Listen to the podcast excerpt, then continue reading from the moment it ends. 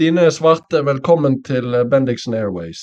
Tusen takk, veldig hyggelig å bli invitert. Um, der er masse i media om eh, kosthold, uh, både for jeg jeg, barn og voksne. Og nå kom det ut noen nye kostholdsråd. Hva du tenker om de? De nye kostholdsrådene, de er jo ikke Ja, det er jo um, Nå kommer jo de nordiske rådene, er det vel, uh, som skal komme. Og i, akkurat i forhold til de, så er det jo ikke så store forandringer. Eh, så det blir veldig spennende å se det som uh, kommer ut videre, da. For de er jo ikke endelig satt. Hvis ikke du har fått med deg noe mer enn eh, det jeg har, da. Nei. Men uh, du har jo startet Bare bra barnemat. Kan du fortelle litt om den reisen som mamma og ernæringsrådgiver som førte til det? Ja. Jeg fikk jo, eller jeg fødte jo mitt første barn for åtte år siden. Og det var jo da virkelig interessen for barnemat startet. Jeg hadde jo ernæringsutdannelse, men så fant jeg ut at når jeg fikk barn, så dukket det opp spørsmål fra andre foreldre når jeg var på babysvømming, barseltreff, ja. Og da tenkte jeg oi, det er virkelig behov for mer kunnskap om hva vi skal gi barna våre, hva som er den beste maten. Og det var egentlig litt sånn starten på det jeg driver med i dag, da. Og um, det startet ganske smått og tenkte skal jeg holde foredrag fysisk, eller uh, hva skal vi gjøre? Og så startet jeg jo sammen med en annen kollega, det var jo to stykker som startet, og fant ut at uh, vi har lyst til å starte på nett, og, for da kan vi nå så mange flere, da. Så det var den spede starten på Bare bra barnemat. Ja. Uh, og hva er synet ditt på ernæring for barn nå, da? Nå? Ja. ja. Jeg tenker jo at det er veldig viktig å finne en god balanse, fordi som forelder så er man Jeg tror alle foreldre er travle, og det er veldig vanskelig å skulle gjøre kosthold til barn, at man henger seg opp i detaljer, og at det blir for Jeg tenker at alt skal være perfekt, at vi skal lage alt hjemmelaget hele tiden og ikke, ikke kjøpe noe, eller f.eks. Ja, at man henger seg opp i detaljer, sånn at vi for vår del, for at vi ikke skal bli for stressa, så er det lurt å løfte blikket og tenke at vet du hva, eh, i dag så lager jeg ikke hjemmelaget, men jeg går og finner opp på butikken, og det er bra nok. Og det å prøve å finne sin egen balanse, det er, tror jeg er superviktig. Som om man har barn eller ikke, så er jo det i forhold til kosthold, da. Mm. Hva var det som uh, drev deg til å fokusere spesielt på å gi uh, ja, barna dine en, veldig, en god matstart på livet? Hva som gjorde at jeg Hva sa du? At... Ja, hva, hva, motiverte deg, og hva drev deg for å måte virkelig gå inn i det her? Ja, det var jo det at jeg visste hvor viktig kost, kosten var for meg. Fordi eh, som ja, både barn og i ungdomstida mi så var jeg overvektig selv. Og ja, da handler det jo mye om utseende. Mens etter hvert så skjønte jeg jo hvor viktig det var for helsa også. Og da ble jo jeg mer interessert, og når jeg fikk barn, så ville jeg også gjøre det beste gi barna mine det beste, beste utgangspunktet. Og ja, det var mine, min start i forhold til akkurat det, da. Ja. Hvor tidlig kan, eh, nå er jeg ren nysgjerrighet, hvor tidlig begynner barn å spise eh, fast føde og mer likt eh, voksne, og hvor tidlig kan de gjøre det?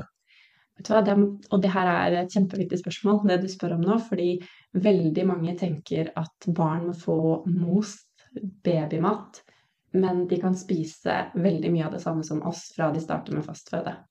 Så hvis du starter fra seks måneder, og det er jo anbefalt å fullamme fram til seks måneder, starter du da, så kan barnet, hvis det er eh, fysiologisk modent, klare å sitte selv, klare å gripe maten og føre den til munnen, så kan de spise biter, sånn som vi gjør, bare ved å tilpasse konsistens og litt form, da. Ja. Men så er, du kan jo også starte fra fire måneder, men da må du faktisk gi mos. Så litt av det industrien gjør, eller har gjort, da, er jo å lage eh, babymat sånn at vi skal kjøpe spesialtilpasset mat til barna våre. Men så kan de spise det samme som oss, med noen tilpasninger fra ja. de starter med mat. Riktig. Eh, du har jo delt eh, noen utfordringer rundt fødsel og amming.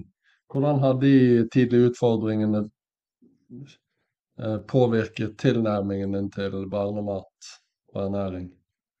Med hun første så var det jo keisersnitt, og da begynte jeg å lese meg opp på alt mulig i forhold til eh, hva keisersnittet kan Hvordan det påvirker tarmfloraen, og hva man kan gjøre. Og da ble jo maten også mye, mye viktigere, da. Fordi du kan, du kan jo ikke påvirke når, når, du har hatt et keisersnitt, så har jo det mest sannsynlig skjedd fordi det er jo en nødløsning som gjør at uh, vi skal være heldige at vi har den. Mm. Men da kan man prøve å påvirke med de andre faktorene, sånn som f.eks. mat, da, med det vi velger å gi barna våre. Så det ble veldig viktig for meg akkurat med tanke på, på datteren min. da. Prøve å gi henne mat som inneholder gode bakterier, og styrke den gode tarmfloraen. Hva slags tanker gjør du deg opp eh, rundt hva slags eh, behov små barn har rundt altså ernæring, mat? Etter, etter, de erfaringene du har hatt og den kunnskapen du har?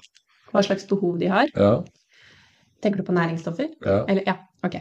Ja, um, det vi får vite på helsestasjon, det er jo ofte at Ikke bare på helsestasjon, men generelt. Det er jo ofte at jern er superviktig for barn, og det er eh, kjøpegrøten som eh, inneholder eh, jern, og det er den vi må ha.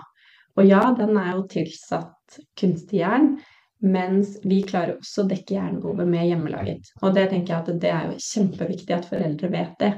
At vi trenger ikke Men jeg sier ikke at du ikke skal gjøre det, men jeg sier at du har et valg. Du kan kjøpe ferdig jernberika grøt, men du klarer også å lage hjemmelaget.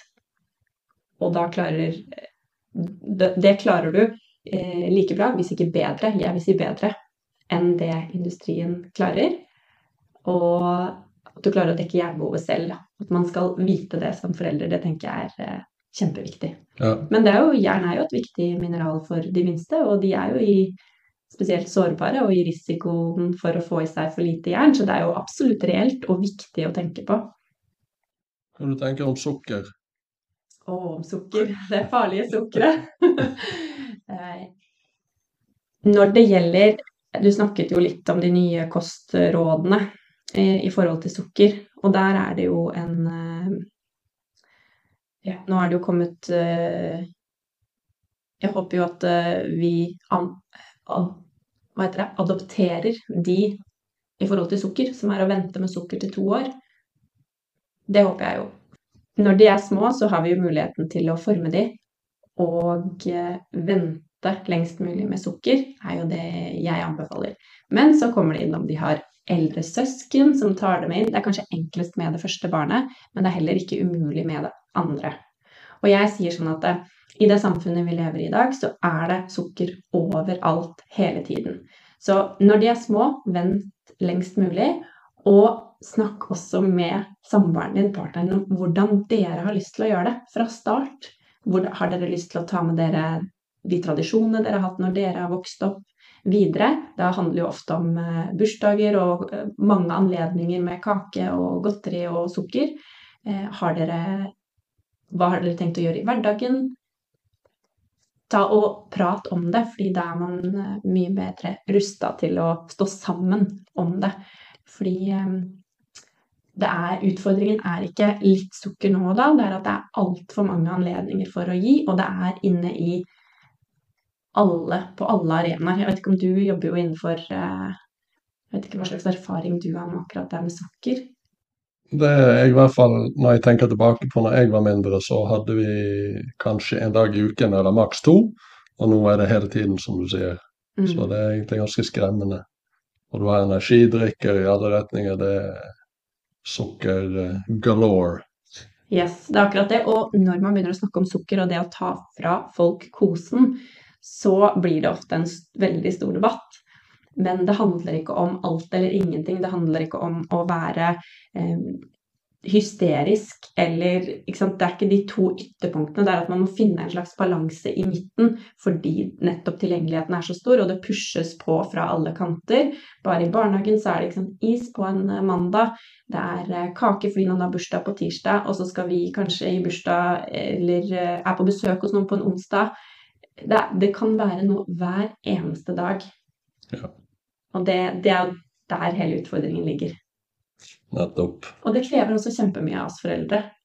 Fordi vi da må så mange eh, ganger si nei, eller 'passer ikke i dag', 'det kan du få til helgen'.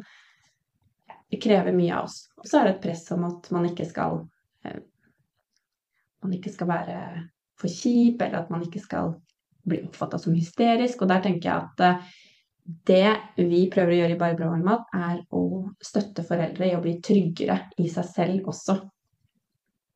Fordi de, man har et ansvar som forelder eh, både i forhold til sukker, men også i forhold til alle andre ting når det gjelder barn. Så må jo vi eh, lede. Ja, ikke sant. Det tror jeg en del har, å gå, har noe å gå på. Var langt uh, svar på det spørsmålet. Ja, det var fint. Hvordan vil du definere god kvalitet når det kommer til hjemmelaget barnemat? Jeg er jo veldig opptatt av økologisk mat. At eh, vi skal også prøve å holde det norskt. Og der kan det også bli litt konflikt i forhold til økologisk og norskprodusert. Men når det gjelder regelverket til barnemat, så er det veldig strengt. Og aller meste av den maten du ser i butikken som er retta mot de minste, er økologisk. Eller er den ikke økologisk, så er det i hvert fall så lite sprøytemidler at det holder seg innafor regelverket. Mm. Og da tenker jeg at når vi skal over på å lage barnematen selv, så må vi også tenke på kvalitet i forhold til at maten inneholder minst mulig sprøytemidler og tilsetningsstoffer, som også det er i mye av maten vi kjøper. Fordi barn spiser jo ikke bare den babymaten fra butikken, de spiser jo helt eh, vanlige produkter, om jeg kan si det sånn, som du og jeg spiser. Men de er mye mer sårbare fordi de er i vekst. Så de er jo utsatt for eh, kanskje like mange stoffer som oss, men på mindre vekt. Ja. Eh, Du har jo nevnt, eh, eller det har vært en del fokus på tarmhelse. Kan du utdype litt hvordan du ser på sammenheng mellom tarmhelsen og barns generelle helse og velvære? Og der er det jo så mye studier og så mye interessant som ja, både foregår og som det har kommet masse på i det siste. Eh, Siste i hvert fall ti åra, kanskje 20. Og eh, akkurat når det kommer til eh, tarmhelse, så er det jo veldig positivt mm, å fokusere på gode råvarer. Fordi all denne ultraprosesserte maten, den eh, har jo vist seg at ikke nødvendigvis bidrar til god tarmhelse. Er, kan du definere ultraprosessert mat? Ja, den, og det er jo også ofte en eh, Det blir vanskelig å skille på hva som er en råvare, ultraprosessert og ultraprosessert. Så hvis man f.eks. tar en eh, mais, så har du mais som er da råvaren, og så har du i helt i den andre enden så har du kanskje sånne maispuffs, type frokostblandinger. Det er et veldig, veldig godt eksempel på ultraprosessert. Alle de er eh, Alle de typene som er puffet, de er ultraprosesserte. Og det er jo en stor utfordring også i forhold til barn. De rettes jo også ofte mot barn. Det har du sikkert sett. Mm. Alle de her eh, sjokopops og alle sånne pops-lignende og, og puffa. Mm. Og hva slags spesifikke tiltak eller matvarer anbefaler du for å, å si, fremme en sunn tarmflora? Det er råvarer. Ja. Det er rett og slett så kjedelig svar, men så enkelt også. Fordi det er eh, grønnsaker, det er frukt, det er nøtter, det er frø, det er korn. Det er eh, veldig mye av det også som Helsedirektoratet anbefaler. Det er eh, ja, å lage mer mat fra bunnen og kjøpe mindre av de Toro-posene som jeg var oppvokst på, blant Mm. annet. Når folk hører eh, råvarer og lager ting fra bunnen, så tipper jeg mange tenker åh, for et stress, orker jeg det? Har du noen eh, tips, tidsbesparende løsninger osv. med tanke på dette? Ja, lag stort og frys ned. Ja. Når du lager, eh, lager du tomatsuppe, som alle barn elsker, så lag en kjempestor kjele. Frys gjerne ned. Eller ha lag så du har til to dager. Så kan du bare koke opp pasta eller egg samme dag, så har du den helt ferdig. Og tomatsuppe er kanskje noe av det aller, aller enkleste, syns jeg, da, å lage. Fordi det er jo kutt opp eh, Jeg kutter litt poteter, hakka tomat, litt løk. Lar det stå og putre sammen med litt vann og, og eventuelt også en type melk som du vil bruke. Mm. Og så gjør det jo seg selv, mens uh, du kan støvsuge i stua eller lese bok for ungene. sånn. Hva med tilpassing av barnematen etter hvert som du blir eldre? Er det noe spesifikt knyttet til ulike alderstrinn? Ernæringsbehov? Ja, akkurat når det gjelder ernæringsbehov, så det, endrer det seg jo litt. De aller minste barna trenger mer fett.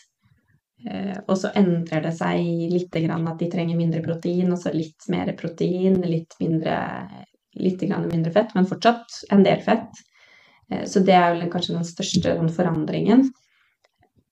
Eh, men akkurat i forhold til konsistens så har jeg bare lyst til å si det, fordi veldig mange foreldre, opplever jeg, da, de går, eh, Man glemmer kanskje litt at barnet vokser. Så hvis man starter med mos, og det å gå over på mat med grovere konsistens, biter, det er kjempeviktig for at barnet skal bli vant til mer av den maten som vi spiser. Ja. Fordi vi ønsker jo at de skal over på familiens mat så fort som mulig. Vi ønsker jo ikke å stå og lage spesialmat til de. Nei. De skal spise akkurat det samme som oss, så vi oppfordrer jo over på familiens mat og spis sammen. Det er med å bidra til masse matglede.